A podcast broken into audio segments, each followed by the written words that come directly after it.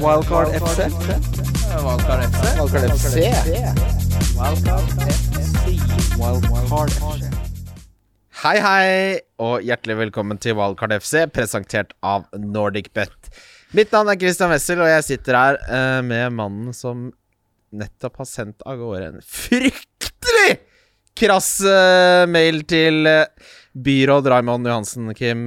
Den sto blant annet Må det være mulig å få dratt på pub snart?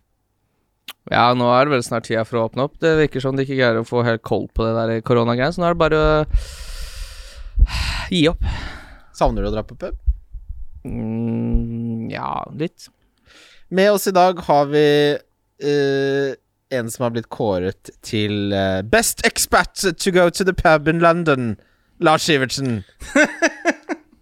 Var det i eh, den årlige, den prestisjetunge Christian Wessel-kåringen? Ja, det, det syns jeg. Halla. God dag, hvordan går det? Du, hvordan er livet Hvordan er livet der borte? Ha, har du fått korona? Jeg har ikke hatt det. Um, og, og det kan jeg jo si med ganske stor sikkerhet, for min samboer er sykepleier og blir nå testa ukentlig. Så det har vi ganske kontroll på. Uh, men, men ganske mange andre har fått det, uh, som du liker å si. De har jo rett og slett fått det. Én av 30 fikk vi beskjed om i London hadde det nå i tidligere januar. Til cirka. Har du funnet en, har du funnet en liten life hack ved å teste deg gjennom dama? Ja, jeg har jo på en måte det, for jeg, jeg sitter jo mye hjemme. Jeg er såpass heldig at jeg får jobbe hjemmefra. Um, og vi tar jo opp det meste av sånn radio og podkast og sånn tar vi hjemme hjemmefra når jeg sitter her og skriver, og jeg går ikke så mye på butikken, for jeg er ikke teit, så det, jeg, jeg sitter jo her hjemme. Så jeg tenker at hvis eh, Jeg får jo ikke noe av meg sjøl, så hvis jeg skal få noe av det, så får jeg det jo av samboeren, og hun har ikke hatt det, så da, da er det bra. Hva er det beste og det verste med, med denne, dette året vi har vært inne i, Lars? Beste er jo tungt å finne noe der, altså. Det, det, er, ikke, det er ikke lett. Um, Det er deilig å få slappe av litt. Det, det, det er mindre trykk i parken da når jeg går tur med hunden. Det er ikke fullt så mye folk der. Det, det er litt nice. Um, det verste er jo at du kan ikke gå på fotballkamp. Altså, jeg, er jo, jeg, jeg, jeg må jo ikke fly noen plass for å gå på Premier League-kamp jeg til vanlig. Jeg kan bare gå ut døra og ta toget en liten tur, og så er jeg der. Uh, men det kan jeg jo ikke gjøre. Eh, så, så jeg merket jo i, i, vår at jeg skrev en sånn artikkel om liksom sånn fem stadioner jeg gleder meg til å besøke når denne faenskapen her er over, og da ble jeg jo veldig sånn Merket at det var veldig dårlig selvterapi å skrive en sånn artikkel, for jeg ble jo utrolig muggen over at jeg ikke kan dra dit nå. Vil på, vil på? Villa Park, jeg vil se Grealish på Villa Park, jeg. Må slutte med dette faenskapet her nå. Ja, så det, det, er jo det jeg er merker at det er fotballen, for at jeg er så heldig at jeg får jobbe, da. Jeg har ikke mista jobben eller blitt permittert, og jeg har samboer, og jeg har hund, så jeg har jo ingenting å klage på sammenlignet med veldig mange der ute, så jeg prøver å ikke klage så mye. Men jeg sliter jo tungt da med at det ikke er vanlig fotball med publikum og sånt. Det er jo ikke bra, det. Ja, og så få møte oss og sitte på litt pub og jazze, jazze litt. Det sa Mhm. jeg og Kim, har vi snakka mye om. Du har nettopp fått bygd deg gaming-PC også, så på en måte min sånn Du vet Pavlovs behovspyramide. Du kjenner til Altså, jeg, jeg, jeg tok bare en sånn sjefs...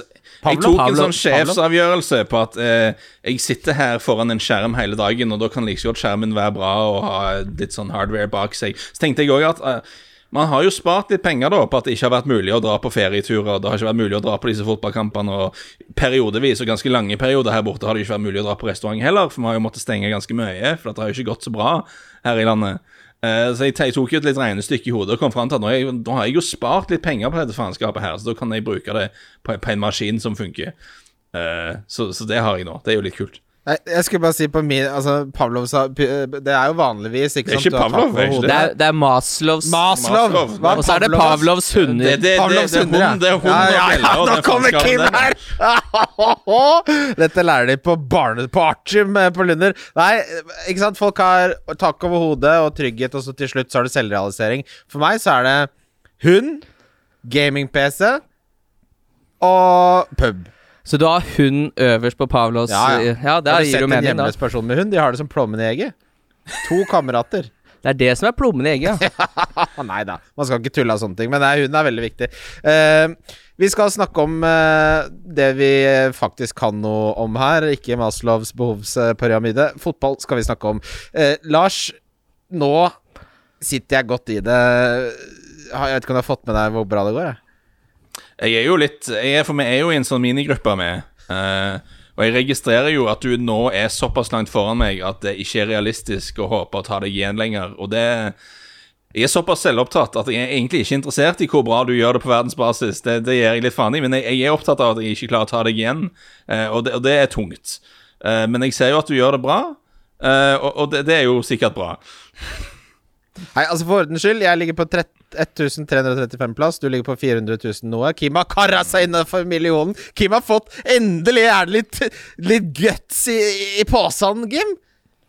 Uh, ja um, Det har gått veldig bra, men samtidig så er jeg også veldig misfornøyd etter wildcardet, fordi jeg har vel tett opp mot 70 poeng på benk de Ja, to det siste har rundene. vært stygge tilstander, den benken din. Ja, det er helt utrolig å ha så mye poeng på benk, men eh, eh, Nei, det har, det har gått veldig bra siden jeg spilte wildcard, så jeg har veldig troa, ja. Men jeg er jo den av oss tre som har vært lengst ute i tåkeheimen her, ser jeg. For jeg ser på historikken til Kim, og det har ikke vært et bra år for deg, Kim, men jeg har vært nede på, på det verste, på, og hadde jeg en overall rank på 4,2 millioner. uh, det, var, det var etter Game Week 3. Da sto det ikke godt til. Jeg hadde en solid, men ga, sånn Game Week-rank-messig så var det 6 millioner mann pluss som var bedre enn meg i Game Week 2, og 5 millioner som var bedre enn meg i Game Week 3. Så jeg torpederte jo sesongen min ganske alvorlig allerede i oppstarten.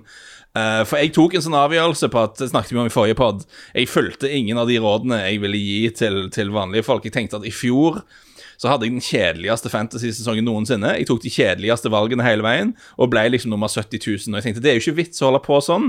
Da, da kaster du bort livet ditt. Du må, du må jo leve litt.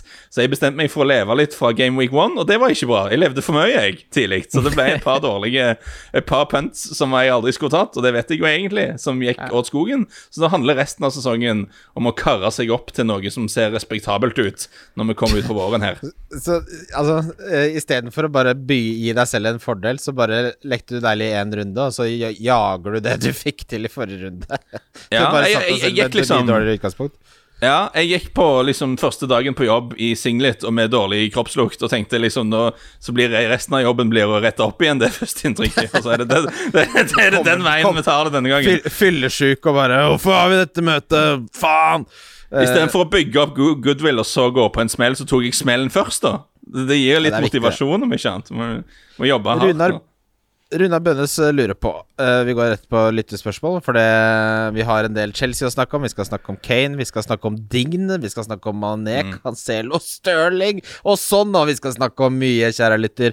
Men vi begynner med Runar Bønnes. Han var med oss uh, til Manchester, er en fantastisk slakter og en nydelig person. Han spør Beste fremtidige Hvordan sier man Tukkel? Tuchel? Tuchel. Du har den der lyden inni der, tror jeg. Det, Ja, den tror jeg vi skal spare oss. Den uh, driter jeg. Tukkel. Hvem Altså, beste fremtidige Tukkel Nei, skal vi Er det tukkel? Tukkel. Jeg får så prestasjonsangst! Det krøller seg dere- helt på tunga. Men hva er tanken sånn uttalemessig? Hvor hardt skal man prøve? Uh, for at det er jo egentlig feil å si Bruno Fernandes. Altså I Portugal så er det jo Fernange, eller noe Nei, det er jo Firminch også, dette har vi snakka om mange Fred ganger. heter Fregi i, i Brasil. Fordi at den der Fregi! blir litt Fregi. Ja, det er helt riktig. Eh, Det, det er sånn det de gjør. sånn. Du skulle bare hørt det, jeg lover deg, altså, Hvis du hører en, en brasiliansk kommentator En brasilsk, brasiliansk kommentator som sier Marlon Harewood Han sier Harewuji. Uh, det, det er jo bare spetakkel der borte. Jeg mener at uh, så lenge man blir forstått, så skal Mm. ikke folk være så jævlig vanskelig på det. Det er hele poenget med språk, det. Så jeg kommer til å si Tukkel, jeg tror. Tukkel er det her jeg også støtter meg på. Ja. Tukkel, eh, beste fremtidige Tukkel slash Chelsea-alternativ. Hvis han får sving på sakene, er det defensive eller offensive pick som gir mest avkastning i FPL. La oss bare ta det litt mer sånn overordna. Eh, At det, det, han har tatt over Chelsea. Det, det var interessant å se Chelsea-fansen være fra seg, og dette kunne Det er jo det de gjør! Det er det han har gjort. Dette er modellen. Dette er forretningsmodellen til Roman Obramovic. Nå får du slutte å være så fryktelig naiv. Og visstnok så var en av grunnene til at Lampard fikk fyken, at han maste så jævlig på at de skulle kjøpe Declan Rice. Ja, jeg så det veldig Tenk- Nå tenkte han og sjefen din bare da Nå orker jeg ikke mer av det maset til Andersen. Ja, og det, må vi, det forklares jo veldig enkelt med at han er en eh, tidligere akademispiller fra Chelsea, og de har solgt unna såpass mange store talenter. eh, Kevin De Bruyne, Salah eh, og eh, eh, Lukaku også. Og så å liksom kjøpe disse spillerne tilbake det koster for mye prestisje for styret i Chelsea, Ja. men det bryr uh, Lampard seg flatt om. Så han banka på døra en gang i uka og bare 'Hvor blir det av Declan Rice?' og til slutt så fikk han rett og slett sparken. Men vi kan vel være enige om at uh, han var out of his depth, som de sier på Balløya. At han eh, jeg, jeg så aldri noen altså, Du kan jo ikke på en måte klandre han heller. Han har erfaring så vidt fra Derby. Han har jo liksom ikke Han har gått lærlingsskolen og skal bygge Taj Mahal, liksom. eh, Og han var Han fikk ikke ting helt til å fungere. Han var veldig mye utskiftninger. Det så ikke ut som det var helt gjennomtenkt i endringene han gjorde i startoppstillingen heller. Mye endring av system. Eh, eh, og Tukkel i så måte ser ut som en fryktelig mye mer kvalifisert uh, manager, og kommer jo da inn, og Chelsea setter rekord i antall pasninger i en kamp noensinne. Første kampen etter én, én runde på treningsfeltet. Han må jo bare ha sagt sånn You will pass! You will pass, you piece of shit! You pass the ball! Pass it! Ja, Ja, det, deg Lars. ehm, jeg tror det er ganske greit for godeste Thomas uh, Tuchel at det ikke er folk på tribunen på Stamford Bridge akkurat nå, for jeg tror eh, Altså, jeg skal ikke feie alle Chelsea-supportere over én kam, men jeg har gjort mange sånne fem på gata utenfor Stamford Bridge i min tid. Eh, jeg føler jeg har litt sånn føling for hvordan de tenker. Mange av de som går på kamp hver uke, I fall. Det er litt forskjellige kulturer her. Men når, når, eh, når en av de største spillerne i klubbens historie, Frank Lampard, som er utrolig populær, som gjorde seg enda mer populær med å bruke Mason Mount uke etter uke, og alle disse akademikidsene Når han blir sendt på døra, da, og isteden kommer det inn denne tyske nerden, uh, som, som, som ser ut som en tysk nerd òg, og som liksom, og lager spillet nøyaktig som om det var liksom sarri forkledning på sidelinja der, da tror jeg stemningen hadde blitt enormt dårlig, altså. Jeg tror det hadde blitt skikkelig dårlig stemning. Uh, men jeg, jeg egentlig er enig i absolutt alt du sa da om den Lampard til Tuchel-prosessen. Og ikke få meg til å begynne på Lampard, for da blir vi sittende her veldig lenge. Eh, men om Tuchel han er en interessant figur, da, for at han er Det er lett å sammenligne han med Klopp og med Nagelsmann og mange av disse andre unge, fremadstormende tyske coacher. Han virker for meg som han er litt mer sånn Guardiola-inspirert enn de, da. Eh, når han gikk til Dortmund, så begynte de å sentre mye mer enn det hadde de gjort før, og holdt litt mer på ballen og brukte litt mer tid. Det var ikke fullt så mye heavy metal og litt mer sånn considerate eh, passing. Eh, mens i, i eh, PSG vil jo alltid bli sånn, for at de spiller jo mot sånn Metz og Neem og sånne, og sånne klubber. Så det, de, de, men han er litt mer metodisk, da, tror jeg. Så jeg mistenker at vi Jeg tror ikke det blir sånn som det ble mot Wolves hver uke, bare for at de, de møter ikke en motstander som sitter så dypt som det Wolves, Wolves gjør hver uke heller. Og de vil jo kunne prøve, prøve å innarbeide litt sånn offensive bevegelser og sånne ting. Det, det skal så mye sidepasning fra Jorginho i 90 minutter skal det ikke bli, men det blir litt sånn, tror jeg. Eh, og, og med tanke på assets og sånn, så syns jeg det er utrolig vanskelig å spå uh, hva for noen offensive for det er jo det er, jo ikke, det, det er det ene punktet der jeg har sympati for Lampard. da. Det er ikke lett å skvise inn alle de beste spillerne der i en lagoppstilling som gir, me gir mening, egentlig. Det, det, det, er ikke noen sånn åpenbar fasit uh, for hvordan det skal funke. Men jeg tror Jeg ser jo en del er på Chilwell nå, og det tror jeg ikke nødvendigvis er dumt. For, for mer, litt mer tålmodig pasningsspill, da tror jeg de skal ha mer kontroll på kampene. De skal ikke bli, bli tatt på overganger så mye som de ble under Lampard. Uh, spilte jo trebackslinja med Chilwell ganske offensivt uh, i den første kampen. Det kan være han fortsetter, men det kan jeg ikke med. Men jeg tror, tror Chilwell, Chilwell er interessant her. Jeg tenker, altså uh, For meg så slår ikke Chilwell meg som en wingback. Han er mye mer en fullback. Uh, men jeg tror den elveren her er ganske langt unna den uh, ha, vi kommer til å se som blir den foretrukne. Han sa jo også at dette var en såkalt unfair lineup, og at han eh, foretrakk rutiner for han hadde så kort tid. Men den beste spilleren i den første kampen, uten at du skal lese for mye ut av den ene kampen, var jo Callum Hudson-Modoy, som spilte høyre, høyre wingback. Men Rydiger til 4,5 fremstår jo som, når man på et eller annet tidspunkt skal benchbooste, som en nydelig spiller å ha med på det benchboostet. Eh, men av de offensive spillerne så tenker jeg bare at det er eh, helt umulig å forutsi. Og jeg har, jeg har med Pulisic på rundens lag, såpass kan jeg si. Men det er bare for å prøve litt. Ja, jeg har jo Syech inne på mitt lag. Uh, Ja, da lekte du deilig. Ja, litt, litt deilig, men han er jo på dødballer på et Chelsea-lag som scorer veldig mye på dødball. Uh, og han var vel var Werner skårte der hvor han var en millimeter offside, Uh, og han skyter faktisk en del når man ser kampen òg. Det, det er noe uforløst. Du skal jo bytte han i kveld, Kim. Nei, jeg kommer ikke til å bytte han ut før Burley. Kommer okay. ikke til å gjøre det. Eh, det er nok noe annet som heller skal ut der. Men han, han, ser, han er ikke on fire heller. Nei, nei, nei. Altså, jeg, det- jeg har lagt merke til nå som rører seg på internett, er at folk sliter med at de må selge sortsjekk, fordi det er Folk har gjerne Graylish og Salah, Gündogan, eh, Bruno, og så er det den siste plassen for å få inn da For min del så skal jeg enten ha Sterling eller Mané, vet jeg, for eksempel, da, og da kan jeg heldigvis ofre Pogba, for jeg har jo alltid noe noe krydder liggende bakerst i Bakerst i hyttebilen, ikke sant, som jeg har lekt meg inn. Men folk sliter jo med å gjøre ting, da, og da er jo på en måte Zizek eh, kanskje den letteste å ofre på til eh, Av de du har, da. Ja, nei, altså Jeg vil jo heller kaste Zuzek enn Ziyech. Eh, for Zuzek Jeg har allerede Antonio, og jeg har Cresswell, og jeg kan hente hva jeg vil for å selge han. Eh, og jeg har penger til å frigjøre enda mer, faktisk også, for jeg var de på laget òg. Men han skulle komme tilbake i løpet av sju til ti dager. Så der tror jeg kanskje jeg skal rett og slett bare sitte litt. i ro, siden det ikke er noe med alle premiumspisser eh, ute av miksen nå. Så kan det godt hende jeg bare eh, lar han få bli. Men eh, Solsjek til eh, eh, Mané, for eksempel, syns jeg frister veldig. Ja, det skjønner jeg fryktelig godt. Uh, Lars, uh, du jobber jo for Betson, som er litt sånn Det er jo søsterorganisasjonen. Vi jobber for NordicBet, og, og via NordicBet så har vi hver runde, Kim, et sett med tripler. Mhm. Jeg har Hør på den rekka her. Sist så hadde vi lik trippel, Lars. Det blir spennende det å har se skjedd et par ganger, det, og det uroer meg litt.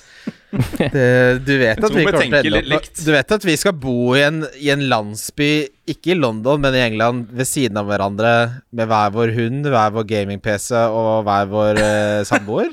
Du skjønner det? Nei, det, det høres koselig ut, det.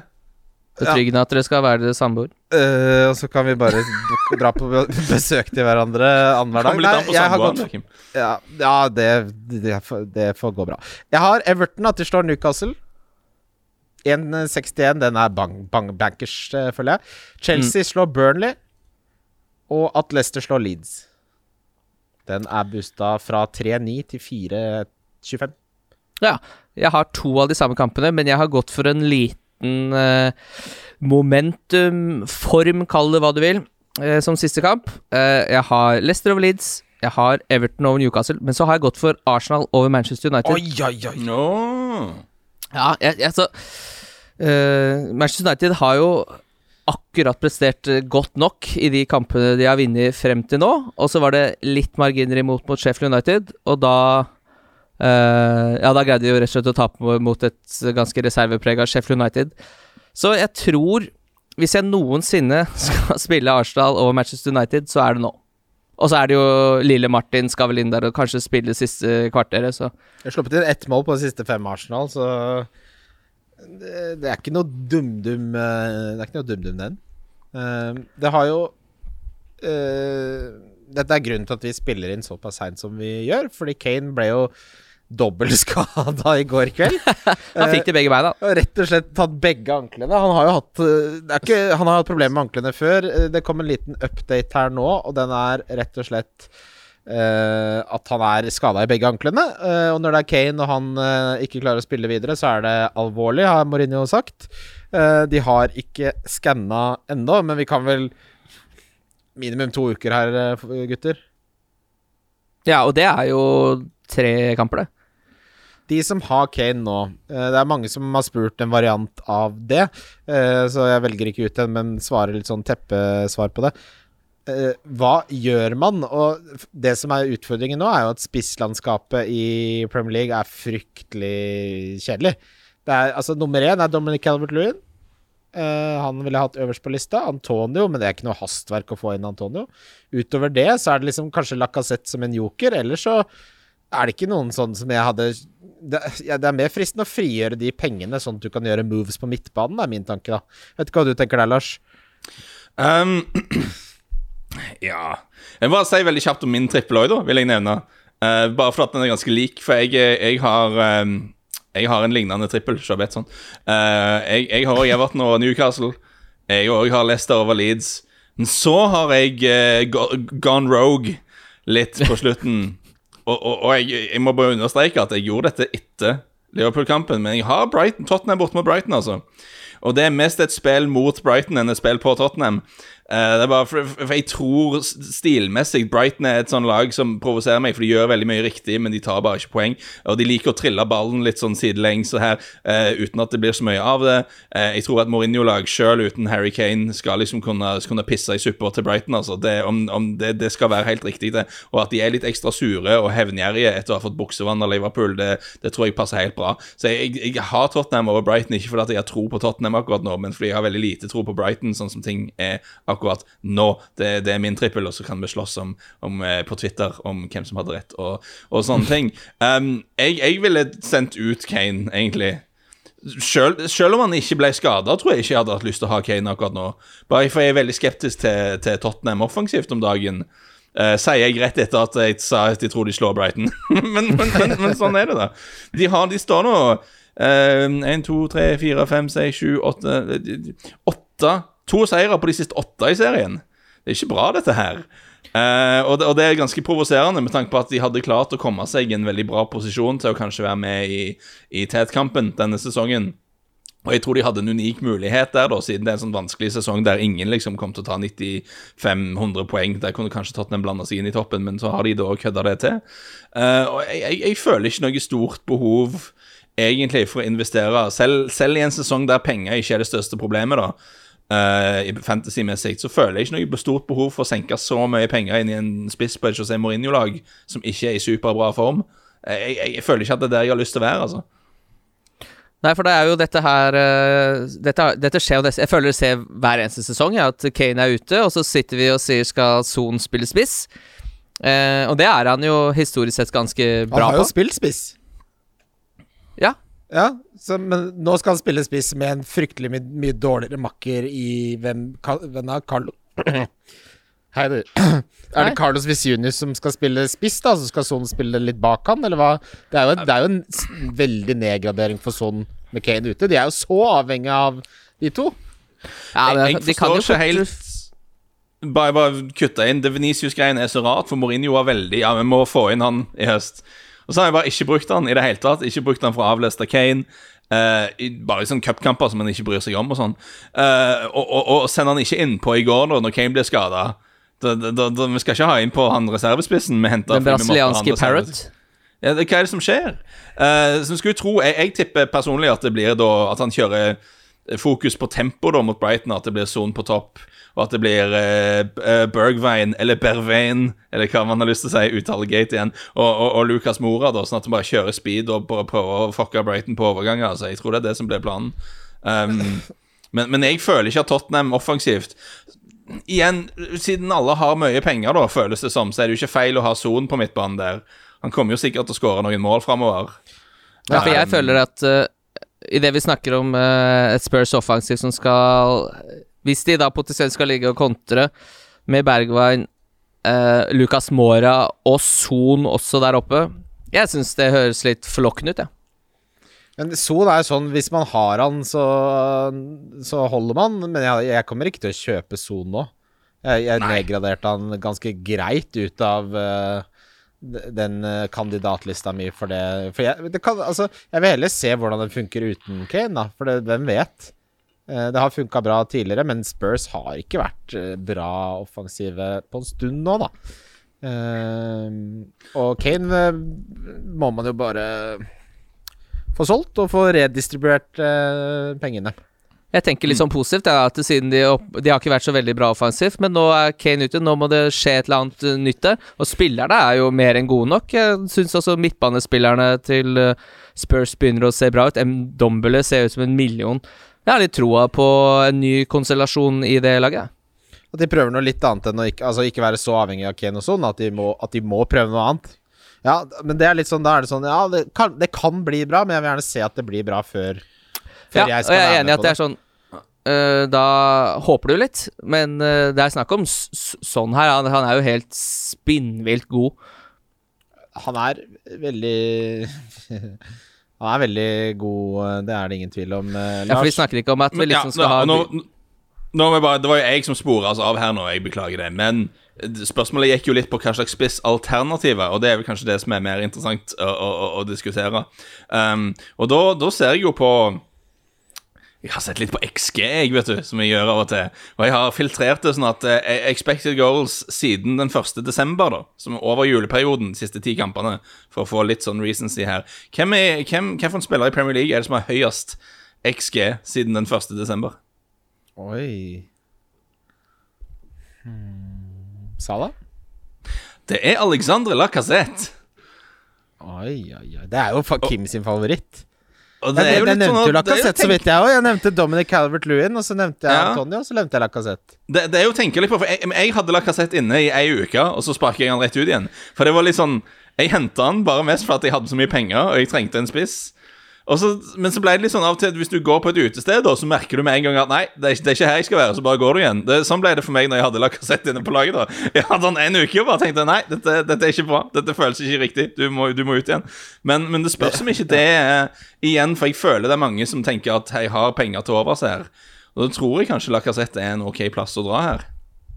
Ja, ingenting galt med lakassett. Dette er jo en av de få situasjonene hvor jeg har råd, på, jeg har råd til hvem som helst for hvem som helst. Jeg kan ta den billigste spilleren min og gjøre det til hvem som er dyreste spilleren. Det er ikke ofte man er i, i den situasjonen. eh, Men eh, det, vi, vi må snakke litt om det Dominic Calvert-Lewin-kjøret, Fordi der er det jo også litt sånn lykke og fromme, da. Det har jo ikke vært bra. De underliggende tallene til Everton er Altså, de har skutt f- fjerde færrest skudd de siste fire, da, men nå har de da Hames Rodriguez er tilbake, Dign er tilbake, og Dominic Calvert-Lewin tilbake, og Rikarlsson er tilbake. Så de er liksom De er de fire viktigste som da de presterte bra, da. Men det er, der er det også litt sånn Så er det selvfølgelig det at de møter Newcastle, som er eh, forferdelig dårlig, men det er jo ikke basert på eh, noe som har skjedd i det siste. Det er basert på et håp om hva, hvordan ting kommer til å bli når det gjelder Calvert Lewin. Lacassette har jo levert eh, bedre eh, nylig enn det Dominic Calvert Lewin har. Eh, Antonio også. Eh, så det blir litt sånn Jeg, jeg syns egentlig ikke at no, noen av de frister meg så fryktelig mye, så jeg hadde, jeg hadde tatt eh, Gjør et bytte til en av de av hvem du foretrekker, eh, og så må du få inn Jeg syns man må ha inn, en, en av Stirling eller Mané i denne runden, ja. Jeg vet ikke hva du tenker om det, Kim.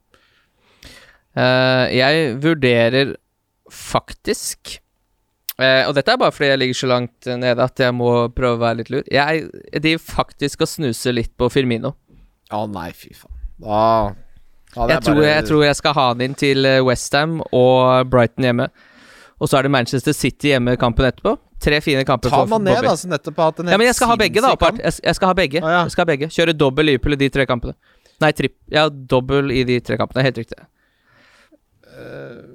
Altså, Mané uh, hadde sju skudd uh, nå sist mot Spurs.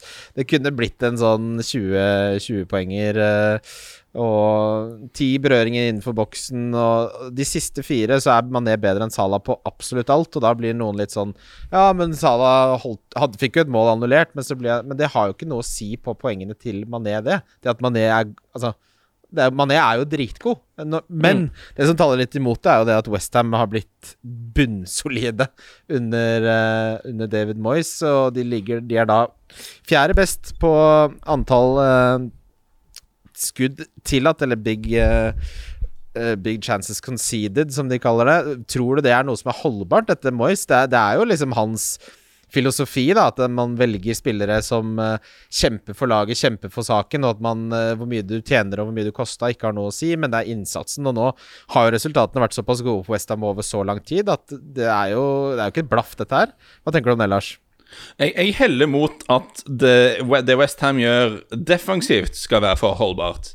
Eh, For der har jeg vært litt sånn uenige med, min, med min, mine lærde kollegaer her borte. For i starten av sesongen så var det veldig sånn krisestemning når vi snakket om Westham. Husker jeg var på den Guardian-podkasten og folk snakket som om det liksom var nedrykk det gikk mot og sånne ting. Uh, og, og, og, og, da var jeg litt uenig, og det er jeg fortsatt. For jeg er ikke verdens største David Moyes-fan. Men vet du hva, hvis du gir David Moyes en tropp av arbeidskarer og sånne helt OK midten av Premier League-tabellen-gutter som gjør en jobb for deg, så kan han snekre det sammen til å være et veldig OK lag uh, som, som, som, tar godt for seg med poeng og, og, gjør en respektabel jobb. Jeg tror ikke de skal Jeg blir litt overraska hvis de driver og, henger rundt i Champions League-kampen helt inn. Det, det, det, det tror jeg ikke helt kommer. men men, jeg er ikke noe sjokkert over at de liksom ikke At de ikke har gått helt til helvete med de liksom. Jeg synes han, han, er, flink på det han er flink på, David Moyes, så det er ikke noe galt med det. Uh, så, så, jeg tror solid uh, defensivt solid og offensivt bra nok til å ta en del poeng, tror jeg vil fortsette å være greia med Westham. Så noe Westham defensivt tror jeg ikke er feil i det hele tatt, egentlig. Uh, Benjamin Sars spør smaker engelsk frokost bedre i England enn i Norge. Og der vil jeg bare ha en liten anekdote om deg, Kim. Fordi vi har jo vært på samme hotell noen ganger. Eh, og du, dette, er, dette, hadde jeg aldri trodd, for det er så lite typisk deg. bestillingen til Kim eh, når han er på hotellet i Manchester, er alltid Eggs Benedict. Hmm. Det, er, det, er, litt fjong, fjongesen for Kimmegutt. Uh, ja, men det er jo fordi resten av frokostbuffeen Dette er jo det du må bestille, ikke sant? Ja, ja. Mens frok frokostbuffeen, den er jo bare å forsyne seg fritt av. Ja. Så jeg får jo alt det andre i tillegg. Men jeg liker den uh, benedikten, fordi vi har jo stort sett uh, tylla i oss noe alkohol dagen Noen før. Noen premiumsider dagen før. Ja. Uh, så da har jeg rota meg borti det, men uh, det er ikke noe jeg spiser noe annet sted, eller ser etter på menyen noe annet sted. Hvis jeg sov hos deg og du lagde eggs benedict dagen etterpå, så hadde jeg blitt livredd. Ja, det, hadde, det tror jeg ikke kommer til å skje. Uh, uh, Lars, smaker engelsk frokost bedre i England enn i Norge? Det, det, er vel kanskje litt sånn at det der er voldsomme sånn pølser og bacon og, og stekt tomat og hele det kjøret der Hvis du prøver å lage det i kjøkkenet hjemme i Norge, så blir det ikke helt riktig. Men jeg merker at hvis jeg prøver å lage det på kjøkkenet her, så blir det ikke helt riktig heller. Det er noe med den der litt bakis og så, sånn helt sånn ukristelig hotellfrokost i England enten før eller etter en fotballkveld, tror jeg. Det, det, det er en litt annen Det er litt sånn når du får limoncello etter et måltid i, eh, i, Italia, liksom. Hvis du prøver å gjenta det hjemme, så er det ikke det samme.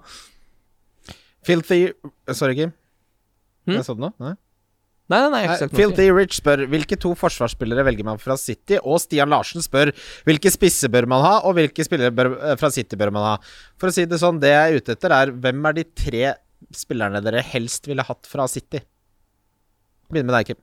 Ja, jeg har jo de tre spillerne jeg helst vil ha fra City om dagen, jeg. Så bra. Jeg har uh, Diaz, jeg har Stones, og jeg har Gundogan. Og jeg så Pep Guardiola var ute og skrøt veldig av uh, Cancelo nå. Og historisk sett så betyr jo det benk i neste kamp, så da syns jeg det er deilig å ha Diaz og Stones, som føles veldig eh, sikkert, da. Jeg ville nok heller hatt Cancelo enn uh, Stones uh, hvis jeg måtte velge. Men jeg kommer til å gå for en Det er det dere må hjelpe meg med, da. Fordi dilemmaet mitt nå er Jeg skal ta ut Pogba og Stuart Dallas. Jeg skal enten hente Sterling og Digne, Lucas Dign, Luca Dign, eller Mané og Cancelo. Hvilken uh, foretrekker dere sånn ved første reaksjon? Jeg føler uh, Mané og Cancelo er en fryktelig premiumduo. Det er gisekass. Ja, men er, er, det ikke det toppmodellen, da? Er ikke det Rolls-Roycen i den uh, sammenligninga der? Ja, det Dign kommer jo til å Altså, den høyre siden til Newcastle-forsvaret er det som slipper til flest sjanser mot i hele Premier League. Eh, Lucas Dign spiller jo ikke venstreback, han spiller jo på midtbanen. Så det er noe med den kampen her er jeg fryktelig redd for kan bli en sånn Digne 20-poenger. 20 Når det er sagt, så kan jo Cancelo har jo allerede gjort det, eller han har nettopp gjort det, eh, og er litt mer satt i laget, og han spiller for et lag som både er bedre defensivt og bedre offensivt. Eh, og når man snakker om underliggende tall, så er Mané sine hvis du ser bort ifra altså poengfangst på Stirling, så er de underliggende tallene hans dårlige. ikke sant? Får, det, er, det er annet man får poeng, men uh, poeng er, sier deg egentlig ikke så mye i fantasy. Det er en veldig dårlig uh, måte å på en måte spå fremtiden på, hvem som har fått, fått poeng uh, før. Det er mye bedre å se på de underliggende tallene, og sånn sett så snakker jeg meg selv inn i Mané Cancelo her, kjenner jeg. Ja, er det ikke litt rart også å trekke frem den Newcastle-kampen til Everton når City møter Sheffield United hjemme? Eh, jo. Ja, nei, det var bare Eh, jo, jo. Det- Vet du hva du tenker, Lars? Hvem, hvem foretrekker du av de, de to konstellasjonene, Lars? jeg, jeg, jeg, jeg føler jo at når man ser sånn som Mané holder på mot Tottenham, så Han er jo veldig av og på, og det føles som han er veldig på nå. Eh, Og jeg syns han er da en spiller du har veldig, du har veldig lyst til å være med på det toget hvis man Mané plutselig skal ha en eh, fire-fem kamper der han er i, i, i fullstendig vrient humør. Og det føles jo som han er på vei inn i en liten formtopp nå. Eh, Åh, tenk deg Mané og Cancelo! Og jeg tenker jo det med Cancelo at ja, det er risk for at han blir rotert, men han, det er òg større sjanse for at du får noe offensivt fra han når han spiller. Så hvis du, hvis du henter han og tenker nå skal jeg ha han i, i en lang stund, og så tenker du at det jevner seg ut da, om du plutselig ryker på en null her et eller annet sted. Og fordi Igjen, for de fleste har litt penger å bruke nå, så kan du jo sørge for at du har en benk som tåler at Cancelo ikke starter. Ja, nei, jeg tror Cancelo starter. Jeg tror i verste fall, hvis Walker spiller høyreback, så spiller han, eh, tar han Sinchenko sin plass på venstresiden, i og med at han kan spille begge. Jeg tror også litt at sånn som så satt og så bra som det laget jeg spiller nå, så kan jeg ikke helt se at med mindre Cancelo har eh, At på en måte fysioterapeuten eller sånn sier at han har spilt for mye, så, så slår det meg ikke som Folk er veldig glad i å snakke om den pep-ruletten, men han er jo ikke helt irrasjonell. Jeg kan liksom ikke se én god grunn, hvis ikke det er noe vi ikke vet om, at Cancelo plutselig skal droppes. Da han har vært en av de beste spillerne til City i den perioden her, som har gjort at City nå eh, i det aller høyeste grad er med i gullkampen. Eh, det er noe med det der Ja. at mest sannsynlig så holder det nullen, og han har så stor sannsynlighet Altså Han har en eh, XGI, altså expected goal involvement, på 2,78 de siste fire kampene. Det snitter én målinvolvering per, under, rett under én per kamp. Det er desidert flest av alle forsvarsspillere på hele spillet. Så her tenker jeg egentlig litt at liksom hvis jeg skal liksom være litt redd for pepperulett i en situasjon hvor det er helt ulogisk at han skal roteres, med en som har alle de underliggende tallene som Cancelo har, så da begynner man å snakke seg litt ut av Det er sånn eh, Det er på biffrestaurant og bare Skulle jeg hatt indrefileten da? Nei, jeg tror Nei, vi prøver bønnesalaten. Ta indrefileten, Kim. Eh, ja, jeg er for så vidt enig i det. Det er bare at det er liksom Det er midtuke neste uke og det, er, eh, det kommer fryktelig mange kamper på, på kort tid her. Og det er jo eh, Tradisjon tro, så er det jo bekkene som da blir rotert, og midtstopper kan man jo stå sju dager i uka. Men, men et annet spørsmål når vi er på City-kjøret her. Uh, Gundogan? spørsmålstegn. Jeg, jeg, jeg har han, og jeg vil jo tro at mange lyttere enten har han eller vurderer å, å, å ha han. Er, er nå som Kevin er ute, tenker vi at vi må på Gundogan alle sammen fordi at han er vanvittig verdi til den prisen han er? Eller er det litt sånn Litt sånn GameStop at eh, det har vært en utrolig greie, men nå er det tid for å komme seg av?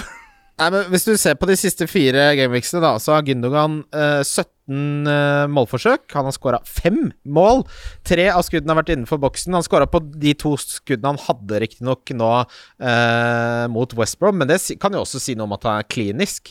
Jeg syns at tallenes tale her tilsier at dette er en ny rolle som er bærekraftig. Fordi dette er ikke hvis, Altså, han spiller jo mye lenger fram på banen, og de spiller på en måte nå som gjør at både Foden og Gündogan og Cancelo De bytter jo plasser og går i, i kanaler eller i, ba, i, hverandre, i det rommet hverandre lager hele tiden. Så dette er jo taktikken og måten de spiller på. Dette er jo det Pep har funnet ut av etter å ha vært i en litt sånn slump taktisk, så er det dette de har landet på som fungerer. Så for meg så er Gündogan Jeg hentet han forrige, forrige runde for Kevin De Bruyne, og for de som ikke har han, så hadde jeg tenkt at det er en førsteprioritet. Ja, og Aguero er jo fortsatt uh, ikke tilbake i trening. Uh, Pep bekrefta på pressekonferanse i dag at uh, han kommer til å spille mot Sheffield United. Det er jo kjempegode nyheter. Og han, med Kevin De Bruyne og Aguero ute, uh, så er han på straffer. Ja. Så jeg skjønner ikke når hvis Han er på straffer, ikke sant? Han er på straffer. Men, men da ender vi opp med at fordi jeg vil jo tro at de aller aller fleste er på to City-forsvarere på dette tidspunktet. Og hvis du ikke er det, så må du komme deg på det. Følge Det er, med det, det er den situasjonen jeg er i, Lars. Ja, og det, ja, men jeg òg. Jeg sitter på Cancelo og Diaz og Gundo.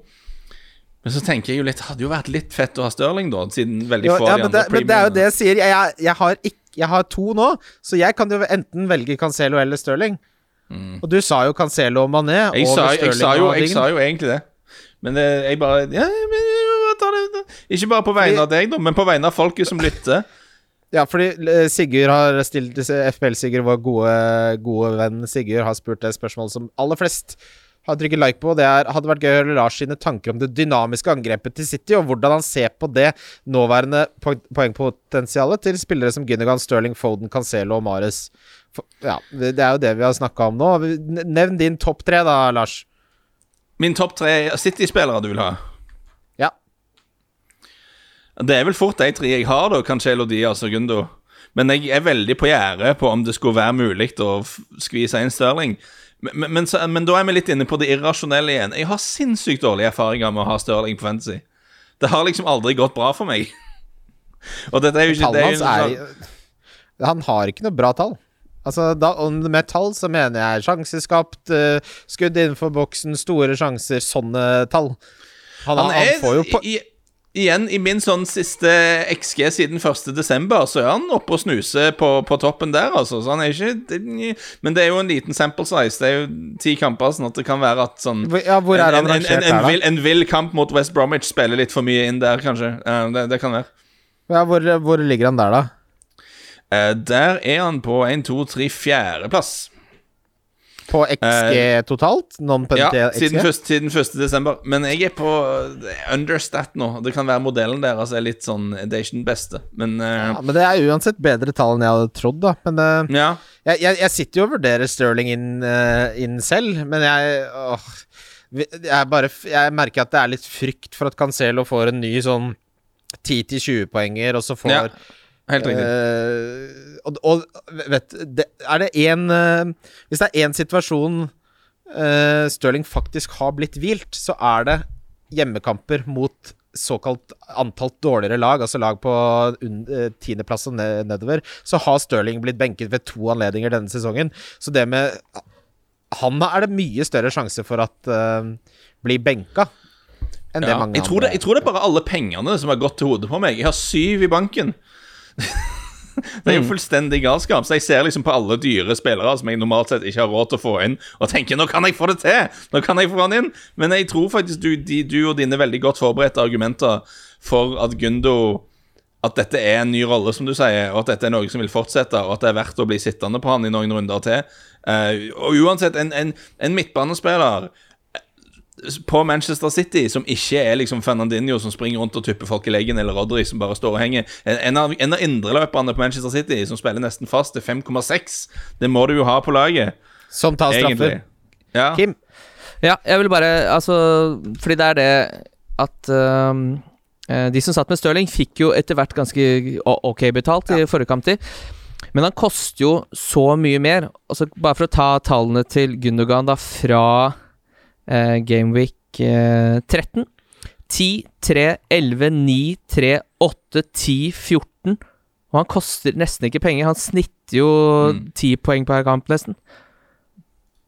Jeg, jeg merker at uh, jeg skal ha en mané på oppdrift, jeg, som spiller som besatt med, mot Da er det Westham som Det blir jo en prøvelse for hvor bra det forsvaret er. Så er det Brighton hjemme, og så er det en skikkelig 1-1-kamp mot City, men uh,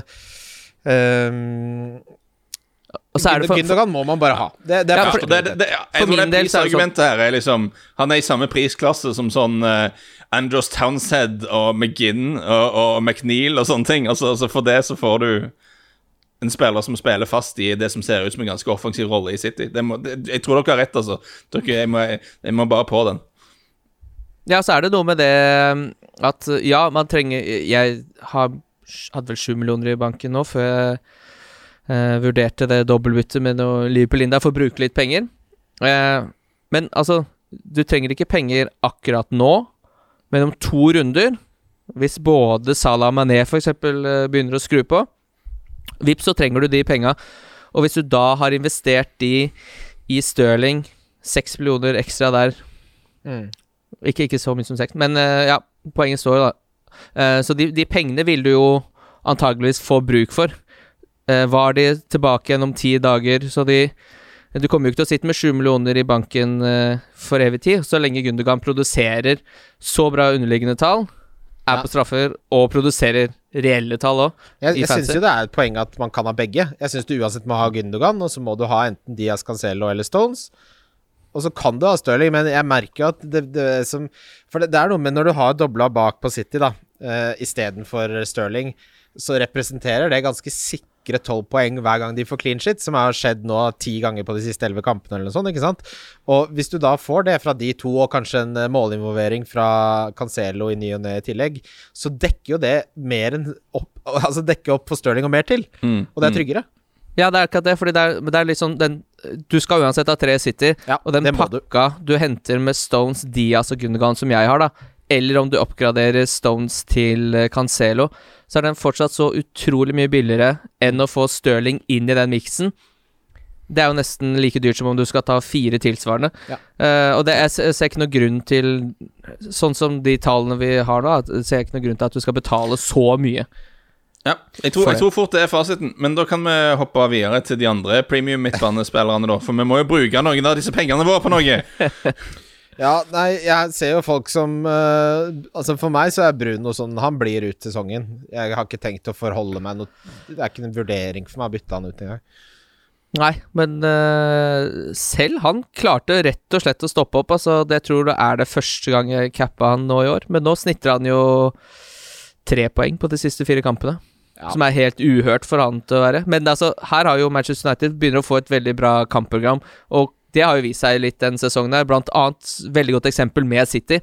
At når kampprogrammet snur, så skaper det form. Ja, det, det kampprogrammet til Manchester United Altså Etter Arsenal så er det Southampton hjemme, som riktignok er hakket bedre enn Westham, faktisk, defensivt. Men øh, øh, jeg vet ikke helt om det er bærekraftig. Så er det Everton, som har vært ganske dårlig defensivt. West Bromwich, som er øh, en av de bedre kampene denne sesongen. Så er det Newcastle hjemme, som er kanskje den beste kampen denne sesongen. Så det er liksom fram til alle kommer til wildcardet, Eller mange kommer til wildcardet i runde 25, for det kommer doble runder i 26 så er det galskap å ta ut Bruno, tenker jeg. Jeg syns det samme med Graylish er en sånn som jeg ikke kommer til å røre. Uh, og Salah kommer jeg heller ikke til å røre. Jeg vet ikke om dere vurderer å gjøre noe med noen av de, eller For meg virker det helt fjernt. Det er sånne spillere som jeg ikke kommer til kom, Det er ikke et aktuelt for meg å tenke på at de er til å bytte engang. Jeg bytter andre spillere. De er en sånn kjerne som jeg aldri kommer til å gjøre noe med. Ja, Jeg tror, jeg tror dette mantraet som alltid når vi snakker om sånn i eh, mellomsesongen, når vi snakker om liksom regler vi skal sette for oss sjøl neste sesong, og hvordan vi kan bli bedre på dette her, så er jo et av de tingene vi alltid tenker på, ikke bruke opp, bytte opp og ta ut gode spillere. altså, du, du har Det er jo den viktigste regelen av alle. Det det, det er veldig Altså, jeg, jeg, jeg føler jo litt på den frustrasjonen selv. Fordi at jeg har Bruno, og jeg capper han ganske ofte, og jeg har fått eh, nøyaktig like mange poeng fra Bruno de siste fire kampene som jeg har fått for André Frank Sambo Anguisa. Eh, og, og det er jo liksom ikke helt ideelt. Men Men sample-sizen er fire runder, altså. Det er lite. og, og, og jeg tror ikke Bruno Fernandes er det største problemet med laget ditt. Altså Uansett hva som skjer, så tror jeg ikke det er liksom verdt å, Det er å bruke Bamford for veldig mange folk. Fy faen. ja, ja, og det som er òg med, med Fernandes, er jeg føler at han er en sånn spiller jeg tror form er litt mindre relevant for han FPL-messig. Fordi at Mm. han gjør så mange ting som plutselig kan bli bra, selv om han ser dårlig ut. Han skyter som en galning, plutselig går en av de skuddene inn. Han tar masse dødballer, plutselig går den via liksom hoftetåen og inn. Han prøver på stikkpasninger hele veien, plutselig så er, går det bra. Så det er liksom, selv om han har et par kamper der det ikke liksom stemmer, så, så kommer ikke han til å liksom bli sur og endre spillestil, henge med hodet og sånn. Han er ikke den typen. Han kommer til fortsatt å prøve på disse enorme høyrisikoprosjektene sine. Og så kommer han til å få en haug med kjipe poeng, sånn som Bruno alltid gjør. Uh, jeg så en analyse av uh, alle Bruno sin uh, Så Siden han kom til United, så er han jo den spilleren i Europa som har skåret og vært involvert i flest mål. Vet du hvor mange prosent av de målpoengene som er straffer? Eh, jeg vil tro den er ganske høy. Den som er nærmest, får en øl premiumside. Uh, ja, det er vanskelig å se hvor mange Du, skal du skylder meg såpass mye, mye det der. Ja, det gjør jeg. Ja, ja, ja. At du er langt i minus Jeg skal tippe der. prosent. 30 da, kanskje. Det er 53,5% 53,6% er straffer. Er det så mye? Ja. Ja, for det irriterer meg alltid hver gang de snakker om de tallene til uh, Bruno. Så klart de, de skal scores på de straffene der. Ja, altså. det, det er like mye mål som alle andre mål. Eller er det ikke? Men det er jo det. Nei, du får- ja. det Du får, du får jo nesten mål kasta etter deg, men uh, han er jo helt ekstremt god på straffer, da.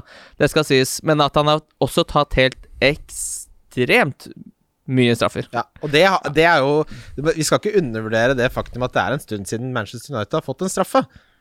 Ja, men, men Men det det man- bare irriterer meg Ja, at de aldri kan poengtere det når de viser de tallene. At, uh, at det er så høyt, da. For det var faktisk mye høyere enn det jeg trodde.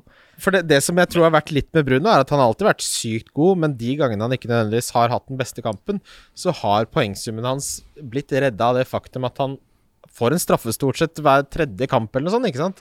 Så det er, og det er ikke noe, det er det beste vi vet i fantasy, men det, det, det henger litt sammen, dette her. Ja, og, men altså, det, det, Vi kan drive og Galaxy-brainer litt på at de har endra hens-regelen litt grann igjen, så det blir ikke fullt så mange straffespark, og at det kanskje ikke er bærekraftig alle straffene United får. Men til syvende og sist så kommer det jo ned til at vi er i en situasjon nå eh, Kevin De Bruyne er skada en stund, Kane er kanskje skada en stund, Sterling har vi sannsynligvis ikke plass til, for at det er så mye annet bra som skjer i City. Man skal ha én av Sala og Mané, men man skal kanskje ikke ha begge. Du har råd til å ha Fernandes der. Det, du, du, du, det er ingen, ingen behov for å skifte han ut hvis du har han. Kanskje ikke noe pressende behov for å få han inn hvis du ikke har han, men han er bra. Han er en bra spiller som vil få poeng. Kim, hadde du noe spørsmål fra Facebook? Fra Facebook, sier du? Nei? Jo da, jeg skal bare, bare få det opp, fordi det er så mange vinduer man kan ha oppe i nettleseren. Jeg liker ikke å ha jeg, du vet, Er du en sånn type Du vet når du ser eh, Jeg ser folk på jobben og sånn som skal dele, og så har de sånn 50 tabs oppe. Da får jeg helt angst. Jeg klarer ikke å ha noe særlig mer enn 6-7, for da syns jeg de blir så små at jeg klarer Det er ikke å ha oversikt hva det og, er. og det jeg liker, er å bli ferdig med taben. Jeg liker å få lukka den. Ja, så syns jeg, det, jeg, jeg liker jo litt det å finne igjen ting, jeg. Uh, Ja, jeg stedet må for ikke ha at taben, da får du legge den i bokmerkeraden, da. Ja, for det er jo helt uh, Gaustad igjen å ha bokmerker. Det har jeg! Ja, Den ene heter fotball, og den andre heter aviser. Aviser! Det har jeg. Så er det Hæ? sånn Aftenposten, Dagbladet, VG, E24, DN. Og da går jeg hver morgen. Begynner jeg øverst, så jobber jeg meg nedover. Nederst så er det BuzzFeed, og der tar jeg sånne der matquizer. der kan du velge sånn, sånn Hva ville du spist på amerikansk restaurant? Og så trykker jeg på, på kyllingen, og så er det sånn Du er Harry Potter. Kan du bli Det er sånn Det er sånn Hva du spiser, avslører hvem du er, og så blir jeg Så gjør jeg det bare for å se på bilder av mat. Du vet det går an å google matbilder? Det er, ikke det, samme, det er ikke det samme. Jeg vil liksom få det eh, presentert. Kom litt bardust på. Ja, helt riktig. Um, Ja, jeg er inne her nå. Og dette syns jeg egentlig er et ganske godt spørsmål. Vi har vært eh, inne, inne om det, og vi sitter jo liksom og eh, Litt sånn ovenfra og ned eh, på Spesielt oss som sitter veldig godt i det City-greiene. For det, dette er et egentlig ganske godt spørsmål. Foden. Hva gjør vi med han? De Ja, som gadd å roe seg bort til Foden. For det er jo på en måte Jeg føler at de var Om det ikke helt 50-50, så var det naturlig å tenke Foden eh, Mats Arntzen, VG sin fansekspert her, satt jo og snakka om at Foden skulle inn i falsk nier eh, forrige episode, så det, var ikke helt, det er ikke helt tankeløst å sitte med Foden. jeg har noen tall Nei. på Foden her også. Han har spilt mm. på Altså på de siste fire rundene så har han tolv målforsøk. eh, 43 toucher innenfor 16, som er flest av alle sammen med Mané. Eh, han har også da scora to eh, på, og har egentlig fryktelig gode tall. Så hvis Foden Sånn som nå, da. Han ble jo um, tatt av tidlig, sammen med Gündogan. Hvis du hadde Foden nå, sitt med han i den hjemmekampen her mot Sheffield United. Nå er det å invitere skjebnen til å komme på kemnerdøra, hvis du selger han nå. Men på lang sikt så er det ikke Det er dumt å ha brukt en City-spot på han, for det er så usikkert når han spiller. Nei, det er jeg helt enig. Eh, jeg, jeg, jeg merker det skal skje mye rart for at jeg ikke skal sitte på to City-forsvarere ut sesongen nå, egentlig. Eh, sånn som de holder på. Det kan være alt endrer seg, men jeg tror ikke det gjør det. Eh, og da har du én plass til. Eh, og, og som vi snakket om kanskje litt for lenge Vi har kanskje brukt en litt for stor prosentandel av podkasten på å snakke om Gundergan, men, eh, men han må være der. Og da, hvis, han, hvis han ikke skal være der, og hvis du har en plass til, så ville jeg jo brukt den på Stirling egentlig akkurat nå. Det var Christer Lie Humlestøl som sendte oss det spørsmålet. Ja, humle Men det er ikke et dumt spørsmål. da. Det er jo bare på grunn Det er jo bare av at City bare har slutta å slippe inn mål. De har bare bestemt for at vet du hva, vi skal ikke slippe inn mål med, vi skal bare holde nullen hver uke. Og da må du plutselig ha liksom må du, du må nesten ha to City-forsvarere, sånn som det går. Og da Men, blir det liksom litt sant, vanskelig. Det, det jeg tror mange lurer på, er sånn Hvis du har Foden, bytter du han til Gündogan? Og det er sånn jeg Spa Det sitter langt inne. Spar meg. Ja, ja, men jeg liker ikke sånne krabbebytter. Fordi for, hvis Foden starter, så kan det- han ha en 20-poenger. Ja, det går tilbake til poenget. Dette er sannsynligvis ikke det største problemet på laget ditt. Jeg er Enig. Christer Vårpvik spør eh, det vanlige. Hva spiste han til frokost, og hvilken energidrikk holder han i hånda? Dette er jo da åpenbart til deg, Lars. Lars, din gris. Jeg, jeg har ikke energi Vet du hva, det er sånn um, og Enten en fordel eller en ulempe med å ha samboer som er sykepleier. Men hun tok blodtrykket på meg her om dagen og fant ut at det var ikke helt det resultatet hun hadde lyst til at det skulle være. Eh, så jeg har fått streng beskjed om å roe ned koffeininntaket litt, så at det ikke liksom det, det går helt av, eh, av skaftet. Men uh, til frokost hadde jeg en sånn variant med, med, med, med egg. Jeg hadde noe speilegg og Egg Benedict? på, Hæ? Det er ikke egg eh, Det er ikke- er Eggs Benedict. Benedict med litt hollandese. Nei, så komplisert var det ikke. Men, men når du satt og snakket om Eggs Benedict, så kom jeg på Vet du hva de har? Um, Nandos på kyllingen. Nandos, piri-piri Ja. kylling. På noen av de, ikke mange. Um, jeg tror faktisk kanskje bare på Gatwick, men der har de en sånn Nandos Benedict. Så du kan kjøpe Eggs Benedict med bare litt grann piri-piri i hollandesen. Og det er faktisk overraskende bra, altså. Å, fy fader. Cheeky er- Nandos. Hvis du er på, skal ta fly, tidlig fly ut av Gatwick når vi har lov å reise igjen, kanskje du har vært på helgetur og det er mandag morgen når du må komme deg hjem igjen, eh, så er Eggs Benedict på, eh, på Nandos på Gatwick Det er ikke feil i det hele tatt. Nei, jeg hadde noe speilegg. det ble eh, noe egg, er det det du sier? Hva er det du sier, Lars? Det ble noe egg? Hva er det frokosten Ja, nei, jeg hadde, hadde Er det noe bacon? Er det noe sopp? Nei, men det, Det ble ikke, noe egg? Ikke, vet du hva? Nei, det var ikke bacon i, eh, i kjøleskapet. Og det er jo som sagt, jeg vet ikke om du har nevnt det, men det er en del virus her er det kona som har kasta det? Nei, det er fare for det. Nei, så, så jeg hadde bare et par med egg oppå noen brødskiver. Og så eh, for å gjenskape denne her, så litt grann sånn piri-piri-saus involvert der, for å gi det litt smak. Men hvor mye energidrikk er det du konsumerer? For det er stort sett det som går igjen i s- Det er her. rart at det har blitt så mye om det. Men, men det um... Er det en myte? Nei, det er jo ikke det. Det er Um, en sann myte? men jeg, Er det så godt, da? Jeg kjøpte, Vet du hva, jeg drakk en Red Bull Light Eller hva det heter eh, til frokost i dag, så jeg skal ikke si så mye. Det er godt, det. Vi har et litt annet utvalg da i dagligvarebutikkene her borte. Det er ganske mye å ta av. Um, eh, det er en som heter Tenzing, som er lagd av litt sånn mer naturlige ingredienser enn de andre, tror jeg, som er ganske bra. Um, dere får sikkert tak i Nocco er ganske bra. Dere får tak i Nocco i Norge. Nocco er nice. Ja da. Eh, Alle, uh, alle sånne folk, jenter du jobber med hvor ting ikke går så bra, de drikker mye Noco.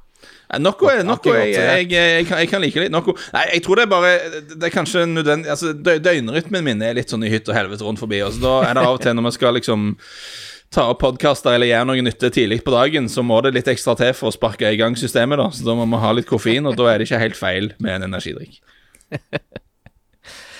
Hadde du hadde Ja, det var uh, Om du har fått med deg uh, Radioresepsjonen sin energidrikktest. Om du er enig i resultatet? Jeg vet ikke om du hører på Jeg har ikke fått Det må jeg sjekke ut. Det må jeg virkelig, virkelig sjekke ut. For jeg har jo et lite sånn mentalt hierarki her av ting jeg syns er bra og ikke. Men det er fare for at det er litt forskjellig utvalg i Norge eh, og her, da. Men det, det skal jeg definitivt sjekke ut. Mm. Og så bare en siste, som er fra Arne Krona, som sier Sala 2, 3, 2, 3, 1, 2. Må vel komme litt hyggeligere tall fremover? Ja, det tror jeg. Den skulle vel aldri Nå skal vi ikke snakke om det, men den skulle ikke blitt annullert, den skåringa.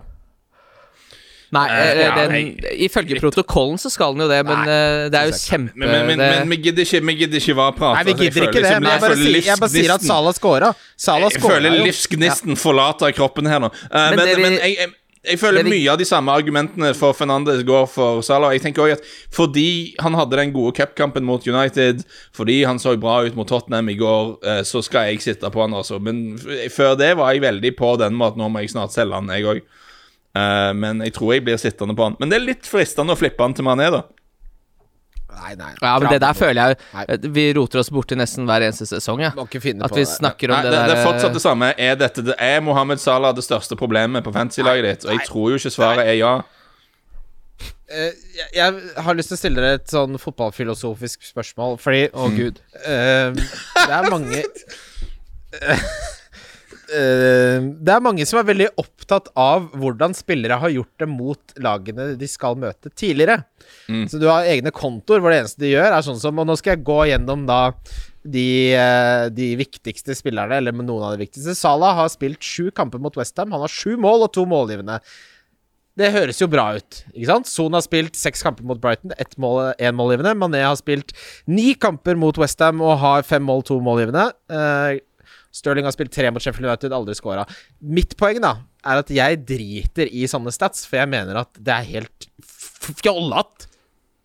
Men Nei, når jeg det- ser jeg- på det, så blir jeg sånn Ååå, han liker å score mot Westham! Men det, det er jo sånn Egentlig så mener jeg at liksom Ok, hva hvis det er et helt forskjellig forsvar, da? Skal du sammenligne for en backlinje som ikke finnes i West, som ikke bor i London lenger? Hva faen har det Ja. med saken å gjøre? Ja, er det det- sånn Å nei, der er stadion, der scorer han alltid, for han liker den høyre delen av banen?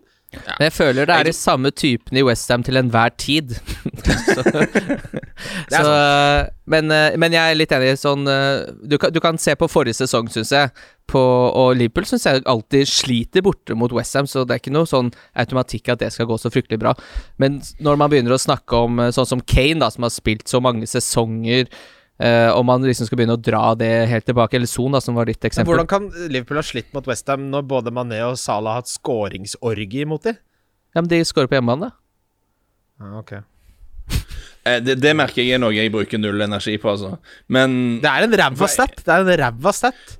Ja, vet kanskje, Ki- Ki- Kim, du kan kanskje legge en kabal eller noe sånt mens vi diskuterer fotballfilosofi i noen sånne i denne halvtimes tid her. Jeg. Nei, jeg, det, jeg, jeg, er helt, jeg er helt enig med deg, eh, Christian, i at jeg syns det er Det er ikke relevant. Men eneste jeg vil si, da, at du, du ser jo spillere som sier Den og den stadion hadde jeg alltid en litt dårlig feeling på. Eh, Det, det, det, det fins det liksom anekdotiske eksempler på, men vet du hva, jeg, det er ikke for meg i det hele tatt. Jeg, jeg syns ikke det er relevant hva som skjedde i en kamp for fire-fem år siden. liksom Det er, astrologi for menn, det der. Men jeg kjøper litt at man kan gå inn med en god feeling. Ja, men det er det samme som før. Altså, jeg føler, det jeg, jeg, jeg, jeg føler at Kane elsker å spille mot Westham, og det tror jeg Kane føler sjæl òg, på en måte. Ja. Eh, det kan du ha rett i. Altså, akkurat Kane tror jeg er litt sånn Og altså, akkurat Kane, det er et kjempeargument. Nei, men han ser ut som typen som blir liksom litt sånn ekstra futti. Ja. Mot visse lag. Nok, men da tror jeg òg det går litt på sånne rivaleri og sånne ting. Om du har fans som pleier å fyre deg opp litt mer enn vanlig og sånne ting. Det, det, det tror jeg nok eh, Nei, jeg vet har ikke om det er noe å bruke så mye vet, mindre. vet ikke om det er noe å bruke noe tid på, egentlig. Nei, og med det så skal vi videre til runden som kommer. Runden som kommer. Det er runden som kommer. Runden som kommer. Og runden som kommer nå dette, dette her, vet du hva det er? Det er en runde som minner om sånn som det var i gamle dager, Kim. Vi har en halv to-kamp, og så har vi tre-fire kamper! Og så har vi Arsenal versus United klokka halv sju, og så en kveldskamp som er Southampton Villa. Det er sånn fotballørdagen skal være. Ja, og nå er jo vi i samme rom, Det er vi. så det er ingen grunn til at vi ikke skal være i samme rom på lørdag og se på de kampene. Det eneste jeg møter, er eh, kassereren Jeg møter ikke kassereren på Kiwi heller, for der er det sånn kasser sjæl. Jeg skal ikke snakke med noen kasseperson, jeg. Det er, det er kasseautomaten og mamma. Men det er jo helt crème brulé, måten de har satt opp det her på. Fordi det er jo helt øh, åpenbart at City Sheffield United er ikke noe sein kamp. Det er en klink firekamp Ja. eller tidlig kamp. Ja. Det som er eh, rosinen i pølsa i en sånn oppsetting, det er at Arsenal-Manchester United Den skal gå etter firerunden. Det er helt riktig. Er helt Og så har de jo så har de åpenbart rota seg borti Southampton Aston Villa her, som ikke har noe der å gjøre. Ja, men Men det, er det er grei det- kveldskamp, det. Jeg har jo tre Villa-spillere. Det er helt greit, det. Ja, og gjerne på sånne fotballørdager så har man jo fått i seg altfor mye bjørn. 36 Sagen. Rett i pappen. Jeg har jo ikke fått deg seks Da kaster jeg deg rett ut i sofaen. Nei da, men, Men, uh, Nei, men det her syns jeg var, var hyggelig men, uh, med firerunde. ja, Nei, jeg, altså jeg kommer ikke til å starte Konsa, men jeg har jo Graylish og Martinez og Konsa. Nei, det her er en perfekt fotballørdag, Kim, så da ses vi i morgen. Uansett. Det begynner ja. med Everton Newcastle. Eh, da er det nok mange som nettopp har fått seg en eh, flunkende ny Dominic Albert Lund som sitter og håper på poeng. Det er mange som har fått seg en Luca Dign eh, og håper på poeng. Hva tror dere om denne kampen? Hva tror dere om eh, de to anskaffelsene? Um, jeg, jeg liker vel Nå går jeg helt imot det jeg sa til deg tidligere. Jeg liker vel egentlig lik Luca Din litt bedre enn Calvert Lewin på kort sikt, fordi jeg tror Jeg har mer tro på at Everton holder nullen enn jeg har på at de skårer tre-fire mål her. For å si det på den måten. For, for, for de har jo ikke vært i sånn superform i det siste, Everton, mens Newcastle er jo bås. Så da tenker jeg jo at dette blir 1-0, 2-0, 2-1 til Everton, egentlig.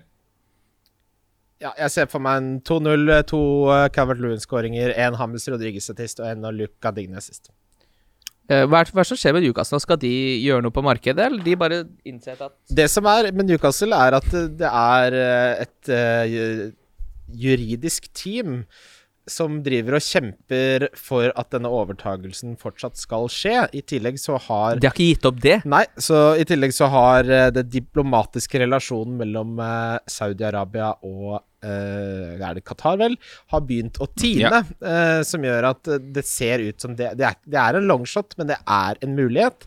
Så jeg tror nok Mike Ashley fryktelig lite har lyst til å måtte bytte en eh, trener eller bruke noe penger og helst vil ha dette avklart, så er det klart at nå har de veldig mange kamper på kort tid uh, framover og kan jo være helt nede i ulykka fram til dette er avklart. Så eh, Mike Ashley er ikke veldig god på å ta beslutninger når alle ber han tar en beslutning. Da setter han seg stort sett uh, nedi bacon snacks-kokeren og lar det stå til Han Så- går full Michael Scott? Ja, full Michael Scott har fått seg litt morgenfrokost der. Så eh, tidligere så har det jo Alan Shearer kom inn da de allerede hadde rykka ned og fikk Altså, dette er et mønster i beslutningsoppførselen beslutnings... eh, eh, til Mike Ashley, så, men de har et håp om å, å bli tatt over av disse søkkrike morderne fra Saudi-Arabia. Det er det de er, rett og slett.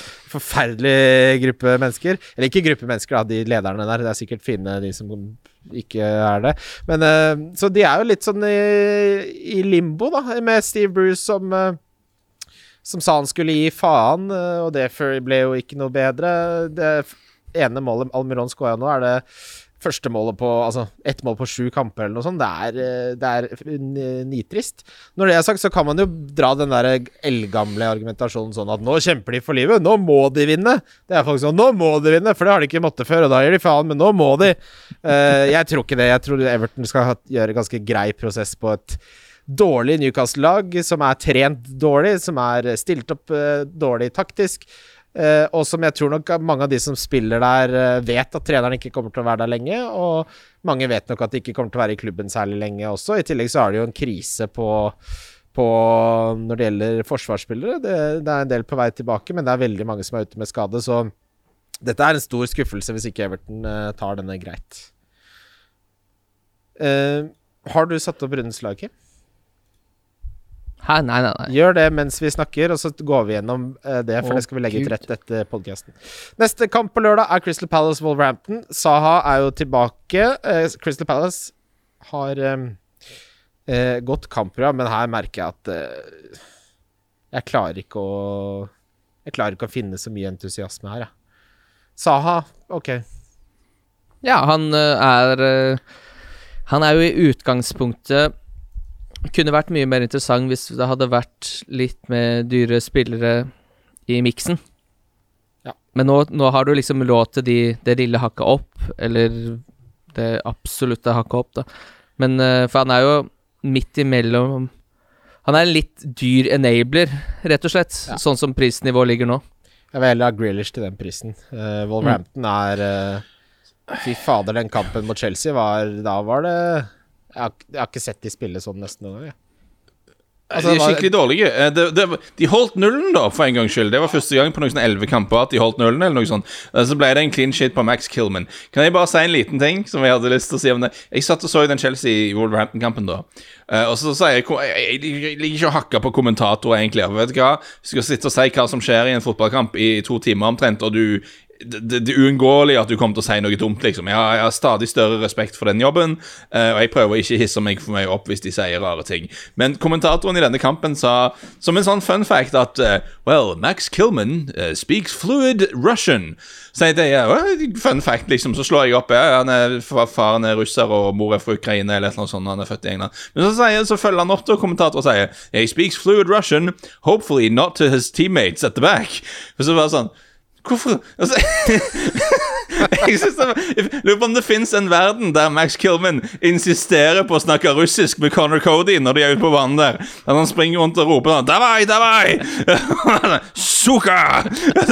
Jeg, jeg, jeg nekter å snakke engelsk til, til Connor Cody, som selv om jeg er født i England. Synes jeg, hva, hva, hva er det for en ting å si? Det syns jeg var veldig veldig rart. Men eh, ja, vi skal ikke ha noe for noen av disse lagene her. vi kan move on. Manchester City, Sheffield United. Det eneste jeg vil ha Her skal det alt. Jeg skal ha score prediction og målskårere, og så går vi videre. Uh, ja, altså no, de, de var jo ganske bra mot Manchester United, uh, Sheffield United. Eh, men jeg syns Manchester United var ganske dårlige mot Sheffield United. Eh, det kommer ikke City til å være. City er jo mye mer eh, De er jo topptrent i å spille sånne kamper som det her. Det er jo stort sett eh, Altså 18 av kampene deres i løpet av en sesong er jo eh, sånn som det her.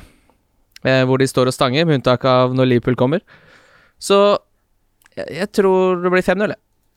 Jeg hadde tenkt å si 4-0. Jeg Wow. Tror på Tror på en Diaz-goal, eh, dobbel Gindogan og en Foden-goal, tror jeg.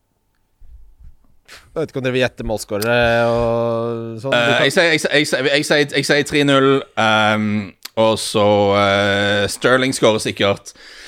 Gundo håper jeg jo på, og så blir det sikkert noe sånn Bernardo Silva-faenskap eller noe sånt. West Bromwich Fulham. Den uh, kommer vi ikke til å snakke så mye om, gutter. Jeg har uh, keeperen, Alfonso Areola, har bra kampprogram, og Fulham har vært mye bedre defensivt enn det man tror, så til 4,5 er ikke han en dum keeper å vurdere hvis du av en eller annen grunn skal ha en keeper. Arsenal Nei, hvis, eller hvis man, hvis, man, hvis man planlegger mot et framtidig benkeboost eller noe sånt, så kan det jo være noe ja, å han er den beste få inn på en uh, syns. Arsenal André Frank Sambo André Frank Sambo Anguissa, da? Nei? Nei. Det blir nei. OK. Det blir nei. Uh, Arsenal Manchester United. Jeg tror også Arsenal vinner den her, eh, Kim. Eh, Jeg solgte jo Saka for Pogba. Tenk at jeg har, har vesla litt i det siste, skjønner du. Jeg Ja, jeg sitter veldig godt med saka. ja, jeg har drevet, drevet og hatt inn Pogba for Saka og Martial inn og ut og sånn, men jeg har jo klart å liksom vesle, men ikke for mye. Jeg har holdt det ned i så liten skala at det at jeg ikke havner helt i ulykka. Men Saka er jo Det er jo en drøm. 19 år gammel, spiller så fryktelig bra. Hva, hva tror dere om denne kampen? Begynner med deg, Lars. Syns det er et utrolig vanskelig kamp å spå. Uh, fordi jeg syns jo den formen til Arsenal må vi ta litt på alvor, da. Uh, spesielt det med at de har sluttet å slippe inn mål. Det syns jeg alltid er et godt tegn når et lag liksom bare Nope, skal ikke slippe inn mål her lenger. Og så tapte de mot uh, Southampton i cupen, men det var jo B-lag omtrent. Uh, og så er United plutselig litt sånn Kanskje det kan liksom være en versjon av det vesle uttrykket når United jeg, gjør noe sånn unitedsk, når de plutselig taper mot Sheffield United ut av ingenting. Det, jeg jeg, jeg, syns det er vanskelig å spå, um, eh, og jeg føler Føler ikke Har ikke veldig sterke følelser for å ha spillere herfra, egentlig, hvis du liksom Som med tanke på rundens lag og sånn. Det er ikke noe jeg føler sterkt om. Kim? Eh, nei, jeg syns det er litt vanskelig hva Eller det jeg er litt spent på, er Jeg tror vi er ganske sikre på at uh, Manchester United kommer ikke til å prøve å gå ut og angripe i den kampen her. De kommer ikke til å prøve å styre den kampen her noe særlig grad, tror jeg. Men så er spørsmålet om Arsenal har lyst til det, da. Arteta hadde jo en uh, liten masterclass der i motsatt oppgjør. Eh, og eh, det, det irriterte meg litt i de to kampene Liverpool spilte mot Manchester United nå, at de tillater de så mye bakrom. Liverpool er ganske gode, de, hvis de skal eh, ligge kompakt. Eh, og Manchester United er ganske eh, de, de tallene har blitt bedre, men det er ikke noe eh, det, det er ikke noe to topplag på å ligge det det, og male. med United i år, da Sorry, men det som er så rart med United i år, da At vi trodde jo vi, vi forsto de. Vi trodde de var sånn Ja, ok, de er gode på kontra, eh, så de er gode mot gode lag, og så slurver de mot dårlige lag. Men det har jo ikke vært sånn i år. I år, de Hvis kampene mot City, Leicester, Liverpool, Tottenham, Chelsea, Arsenal De har ikke vunnet noen av de. Uh, Presis ingen seire på de uh, seks som jeg nevnte. Eh, så det er jo ikke veldig lovende. Jeg, jeg tror det blir uavgjort, dette her. Jeg, jeg, jeg, jeg tror det. Ja, jeg tror det blir et jevnt oppgjør. Southampton og Aston Villa er to lag som presterer mye bedre enn alle forventet. Begge lagene er gode defensivt. Eh, Aston Villa er litt bedre offensivt. Man spiller jo Jeg, jeg kommer uh, Altså, jeg så folk som drev og vurderte å få inn Watkins og sånn uh, for, for hits, og da, da begynner man å være litt eh, Da er det litt mye Møllers tran, altså. Jeg spiller Graylish selvfølgelig og Martinez, men jeg, jeg, dette er vel en sånn 2-2-kamp. Jeg syns det er veldig vanskelig å calle. Begge lagene er gode.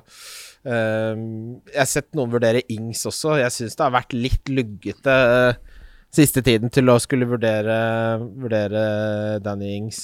Um, vet ikke om dere har noe å tilføye der. Men, men jeg tror at hvis du er en av de som sitter på enten Bamford eh, eller Antonio og føler at der har du ikke lyst til å være lenger, Antonio så er det helt fair å bruke Ja, men jeg bare sier hypotetisk hvis du føler det. Uh, Iallfall Bamford er kanskje noen som er ganske lei av nå. Uh, så, så er det jo ikke helt feil å hoppe over til Holly Watkins. Uh, XG-en ser bra ut, vil ha skape mye. Jeg vet ikke om jeg ville sittet med både Grealish og, og Watkins. Ja, det- å det blir litt mye villa der. Ja, det er for mye. Det er for mye, syns jeg, altså. Eh, ok, Søndagen består av Chelsea-Burnley som tidlig kamp. Dette er jo Her må dere scoute. Ja. Ja, jeg, er litt, jeg er litt redd for at vi får da capo av den Wolves-kampen, da. ja, det har ikke vært noe tid til å gjøre noe særlig annet enn å kjøre den en runde til, har det det? Jeg, jeg og tror, så er det midtukekamp igjen. Jeg tror det liksom Å skulle leite etter sånn tydelig eh, vannmerke fra Tukkel, tror jeg er vanskelig i, i de kampene her. Jeg vet ikke hva du tenker om det, Lars. Ja, for det var en, en, en, av dere, en av dere hadde denne på trippelen. Var det deg, Christian? Nei. Jeg, Det var Kim. Ja, det var vel kanskje. Jeg syns det blir litt skummelt, da. et- Etter å ha sett de slite veldig med å finne veien gjennom et defensivt og kompakt Wolves, så så er det same again da mot Burnley, som jeg, som jeg vet er ganske gode på å sitte bak i sånn, sånn skilpaddeformasjon. Sånn testudo fra, fra romertiden. Sitter de bak der med alle disse folka. Eh, jo, det var meg. kanskje Jeg, jeg Chelsea har med Chelsea til 1,34. du, du er på den, ja? Ja, nei, jeg, jeg, det jeg tror, da, er at altså det Tukkel er, er, kommer til å drille de på, er, eh, er en ting som Burnley er dårlig på å forsvare seg mot. Uh, så ja, jeg tror uh, Daesh passer bedre mot en Solskjær-type som har mye innlegg sånn. Jeg, har, jeg har litt troa på Tukkel i, i Chelsea. Jeg og han, han kommer jo til å analysere den Wolverhampton-kampen eh, fra hverandre. Eh, og der tror jeg han er helt fint i stand til å finne eh, åpninger, og hva de må gjøre bedre i den Burnley-kampen der, fordi kampbildet vil vel bli nokså like. Ja, jeg, jeg orker ikke Hvis, det, hvis, hvis, det, hvis Chelsea ikke vinner dette, så kan det være jeg bare må ta en sånn media-blackout og ikke lese aviser eller høre på radio eller noe. For at det er jo en del journalister og eh, kommentatorer og meningsbærere her borte som allerede er veldig veldig sånn nasjonalt krenka uh, over at uh, Englands brave Frank Lampard ble skrota til fordel jeg så for denne, noen, om, noen omtalte det som å drepe Bambi da de sparka Lampard. ja, drepe Bambi. Og så lag, Henry Winter tilta helt på lagoppstillingen til Tuchel for at han, vet han hadde han hadde tatt livet av alle ungguttene og sånne ting. Altså, de, de er veldig sure, da. Altså, hvis, da. hvis vi da får jævla Sean Dyche som tar poeng mot, uh, mot Chelsea og Tuchel, da blir det så mye. Det klarer jeg ikke, altså. Nei, Da, det blir tungt. Vi må Så alle håpe på Chelsea-seier. Jeg kommer til å heie jeg, jeg tror aldri jeg har heia mer på Chelsea enn det jeg kommer til å gjøre søndag i morgen. Altså, bare for den, den der eh, greia der orker jeg ikke. Var det ikke uh, Harry Redknapp som mente han ikke var kvalifisert nok til å ta denne jobben? Ja, den er, den er spesiell.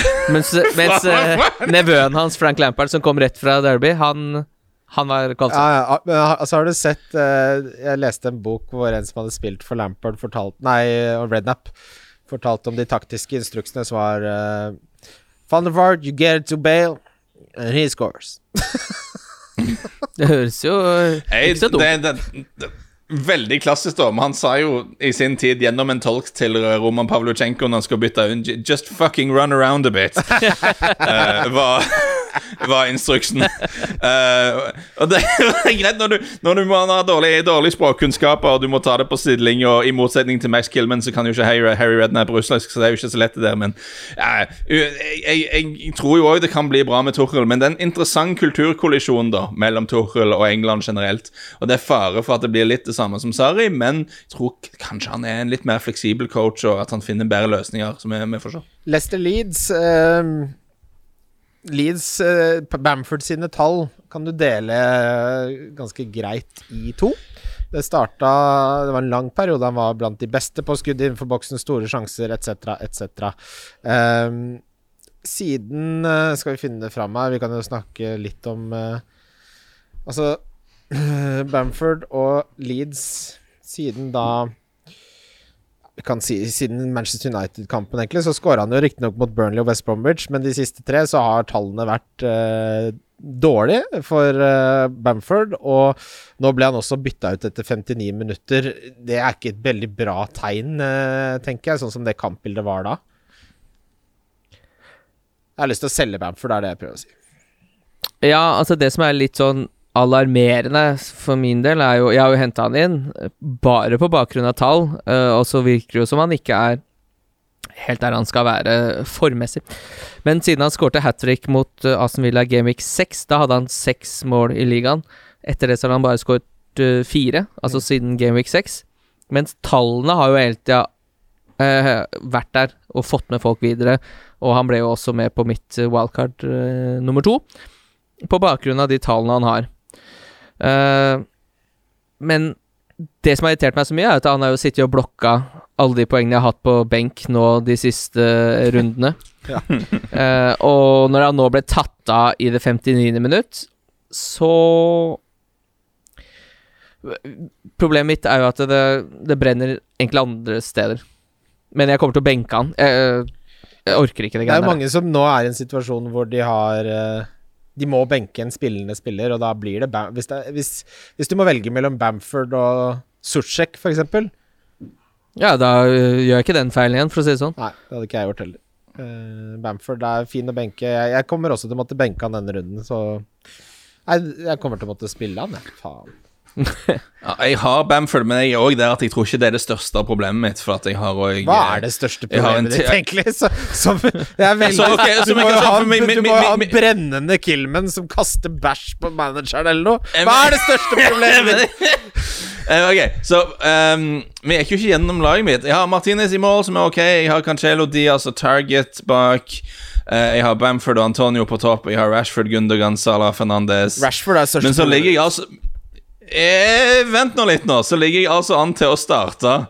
Uh, for at benken min, der har jeg en skada Tierney som skal spille mot United uansett. Jeg har Taylor som er skada, kanskje. Og jeg har Ryan Brewster. Men jeg ligger an til å måtte starte med André Frank Sambo Anguissa her.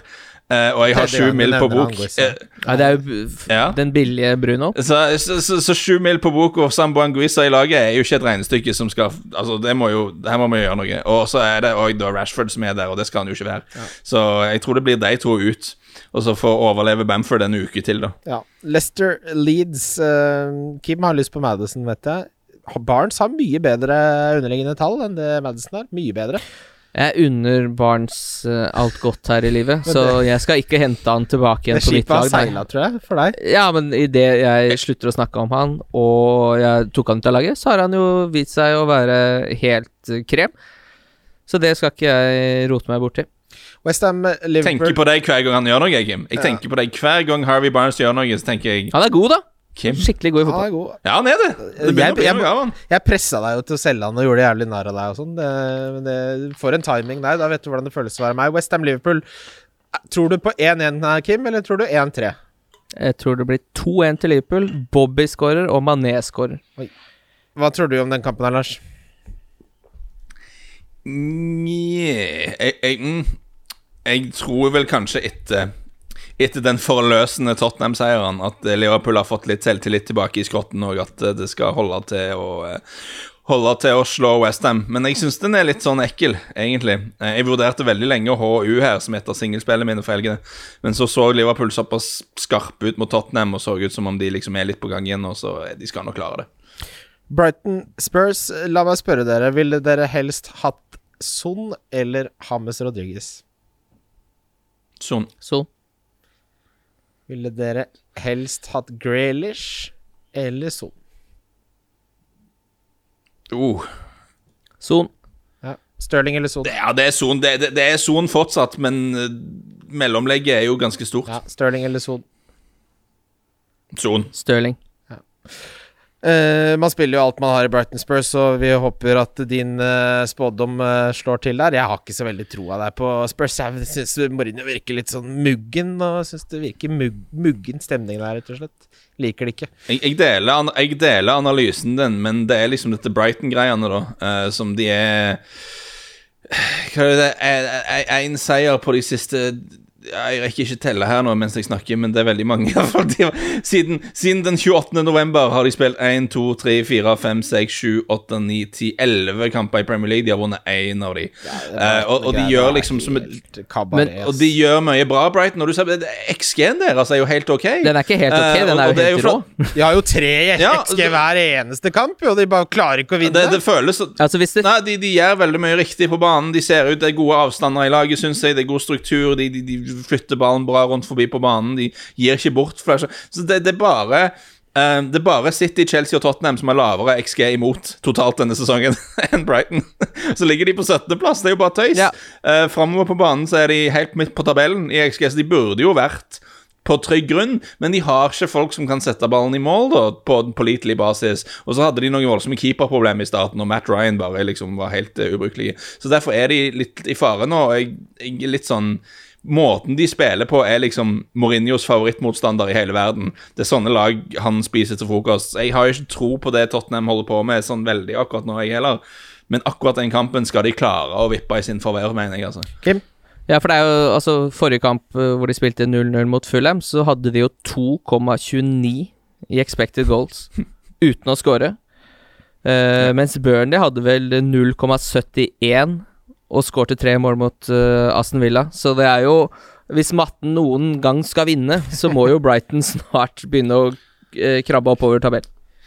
Vi skal Men, og det, det, har, det, har- det har du rett i, men vet du hva, det som er med XG-kjøret, som jeg er veldig tungt på sjøl Av og til har du bare dårlige spisser, altså. altså det, det, av og til har du bare ikke spisser som kan skyte, og det er jeg litt redd Brighton er i den situasjonen. Vi skal videre til eh, rundens spillere. Wildcard FC. Valgkart FC. Valkar FC. Hvem er din kaptein, Lars?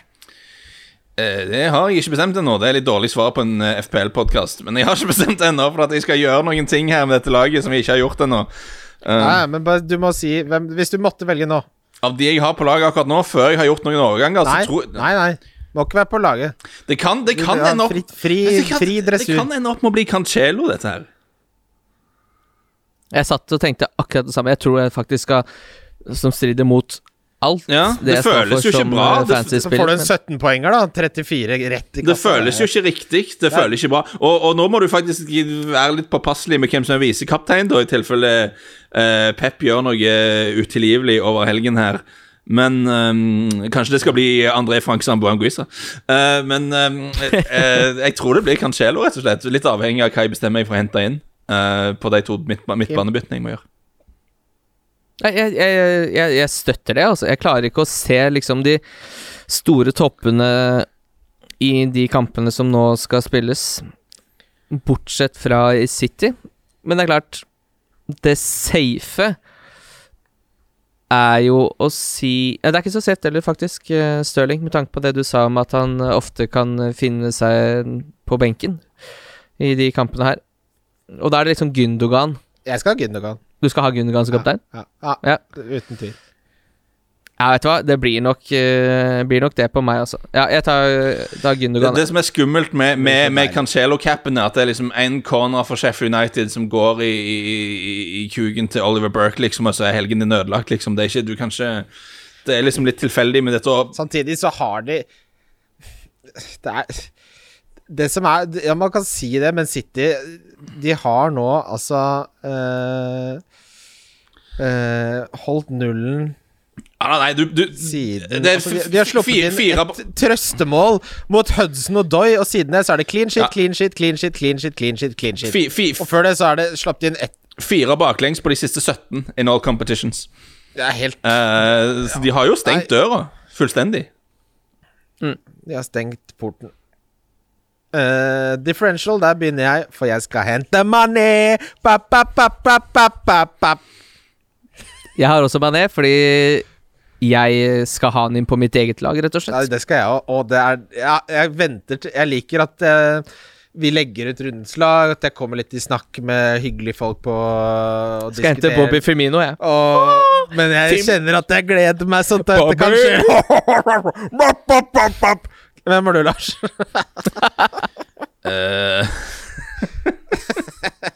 eh, André Frank Sambo Anguissa. Nei, um, Nei, faen! det, det kan være jeg skal inn på Mané, jeg òg, faktisk. Men vet du hva, jeg likte veldig godt den Rudiger-shouten din tidligere. Rudiger til 4-5 Ah, kommer er sannsynligvis til å spille under Tuchel. Chelsea skal ikke slippe inn noe mål mot Burnley, tenker jeg, og han er eid av 0,8. Uh, spørs om det ikke er en liten luring, det. Han er jeg på Han er, på billig, billig. Han er på billig. Nei. Hekkan. Jeg liker ikke noe Da har vi tre nevninger av fire og en halv for Rydiger. Eh, Tukkel ville kjøpe Rydiger til PSG. Ja, jeg vet det. Det er derfor han er så veldig bra valg. Ja. Han ville jo faktisk kjøpe. Nå fikk han jo gratis. Ja, Det er klart han skal brukes. det er, det er klart han skal brukes. Donk denne runden er Å, det er fryktelig spennende, og um, jeg har gleda meg til å donke denne mannen. Og det skal bli godt. Eh, det er bare å få det vekk. Få det ut. Kaste på sjøen. Lukke igjen porten. Patrick Bamford, du er en donk. Jeg er en utrolig kjedelig donk, er ikke det? Jeg kliner til med Det er 48% eierandel, da. Jo, jo, men jeg kliner til med han som har nest flest poeng på hele spillet, og han er den spilleren som er skadefri, som har fått flest poeng i år, og det er Bruno. Ja da, jeg holdt på å si Ja, jeg tror ikke det Men jeg sier Bamford. Jeg òg Hekkan, nå, nå fremstår jeg som uoriginal her, men jeg òg hadde tenkt å donke Bruno over. For at, Hvor mange må de ha for at de skal telle som donk-eierskap? Over ti. Nei, eller så mye som mulig. Ja, hvis over tid, så kan jeg jo dunke min egen spiller, da. Det Rashford-greiene har ikke funka. Anguissa! Frank André Sambo Anguissa er ikke over 10 Det kan han jo ikke være. Han er på Det er bare du har lært deg hvordan du sier det navnet. André. An, André Frank Sambo Anguissa. altså, Jeg er vel jeg er, Men var det ikke hans? Det er en pågående skandale at han ikke er nummer fem for Fulham, da, sånn at det er Sambo number five.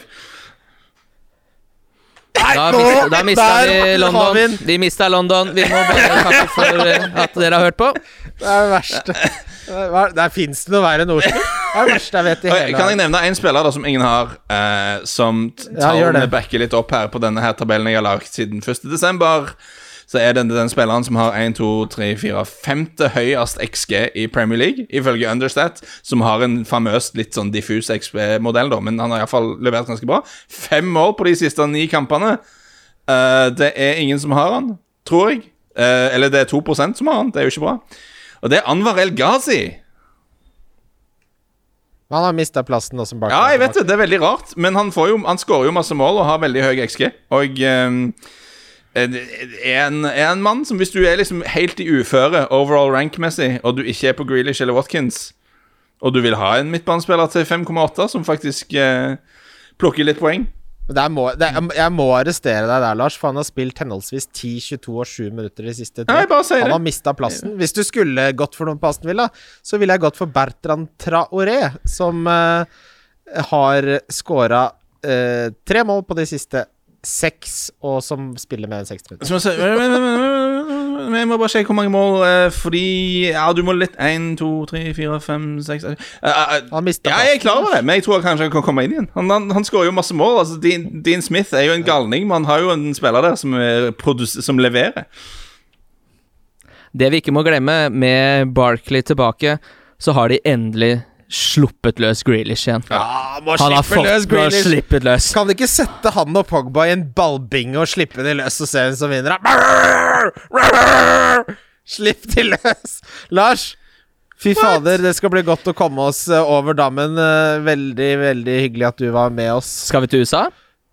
Eh, Over dammen er til Balløya. Skal du over Pytten, så blir det til USA. Riktig.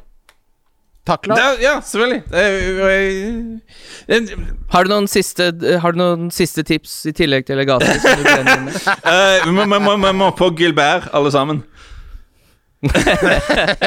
alle skal på Gilbert. Han er eid av 0,1 Nei, men vet du hva, Jeg kommer til å spamme dere med, med, med SMS-er når El Ghazi blir bytta inn mot Southampton og skårer et mål der. Da, da, da, da blir det ugreit å være på vennelista mi. Eh, til dere som lytter på, vi har fått så utrolig mange hyggelige anmeldelser på Apple Podcast. Det, ing, det har gjort hele uka mi. Folk har sagt 'Hvorfor er du så godt humør og sånn på Teams-møter?' Og det er fordi da har jeg nettopp lest en hyggelig anmeldelse i Apple Podcast. Det er så hyggelig, og vi er så glad i dere. Og nå går det bra, folkens. Dette kommer til å gå så bra. Nå er det snart vår. Guttene skal kose seg. Eh, gratulerer til vinneren av Bobo-cupen. Jeg så han var en skikkelig grande grande gutt. Så du hvor han ønska seg? Manchester! Altså, vi skal jo på Skal vi på Vi skal jo på Old Trafford og spise kokt kylling! Funky chicken. Takk for at dere hører på. Lykke til. Vi snakkes. Wildcard FC. Wildcard FC. Wildcard FC. Wildcard FC.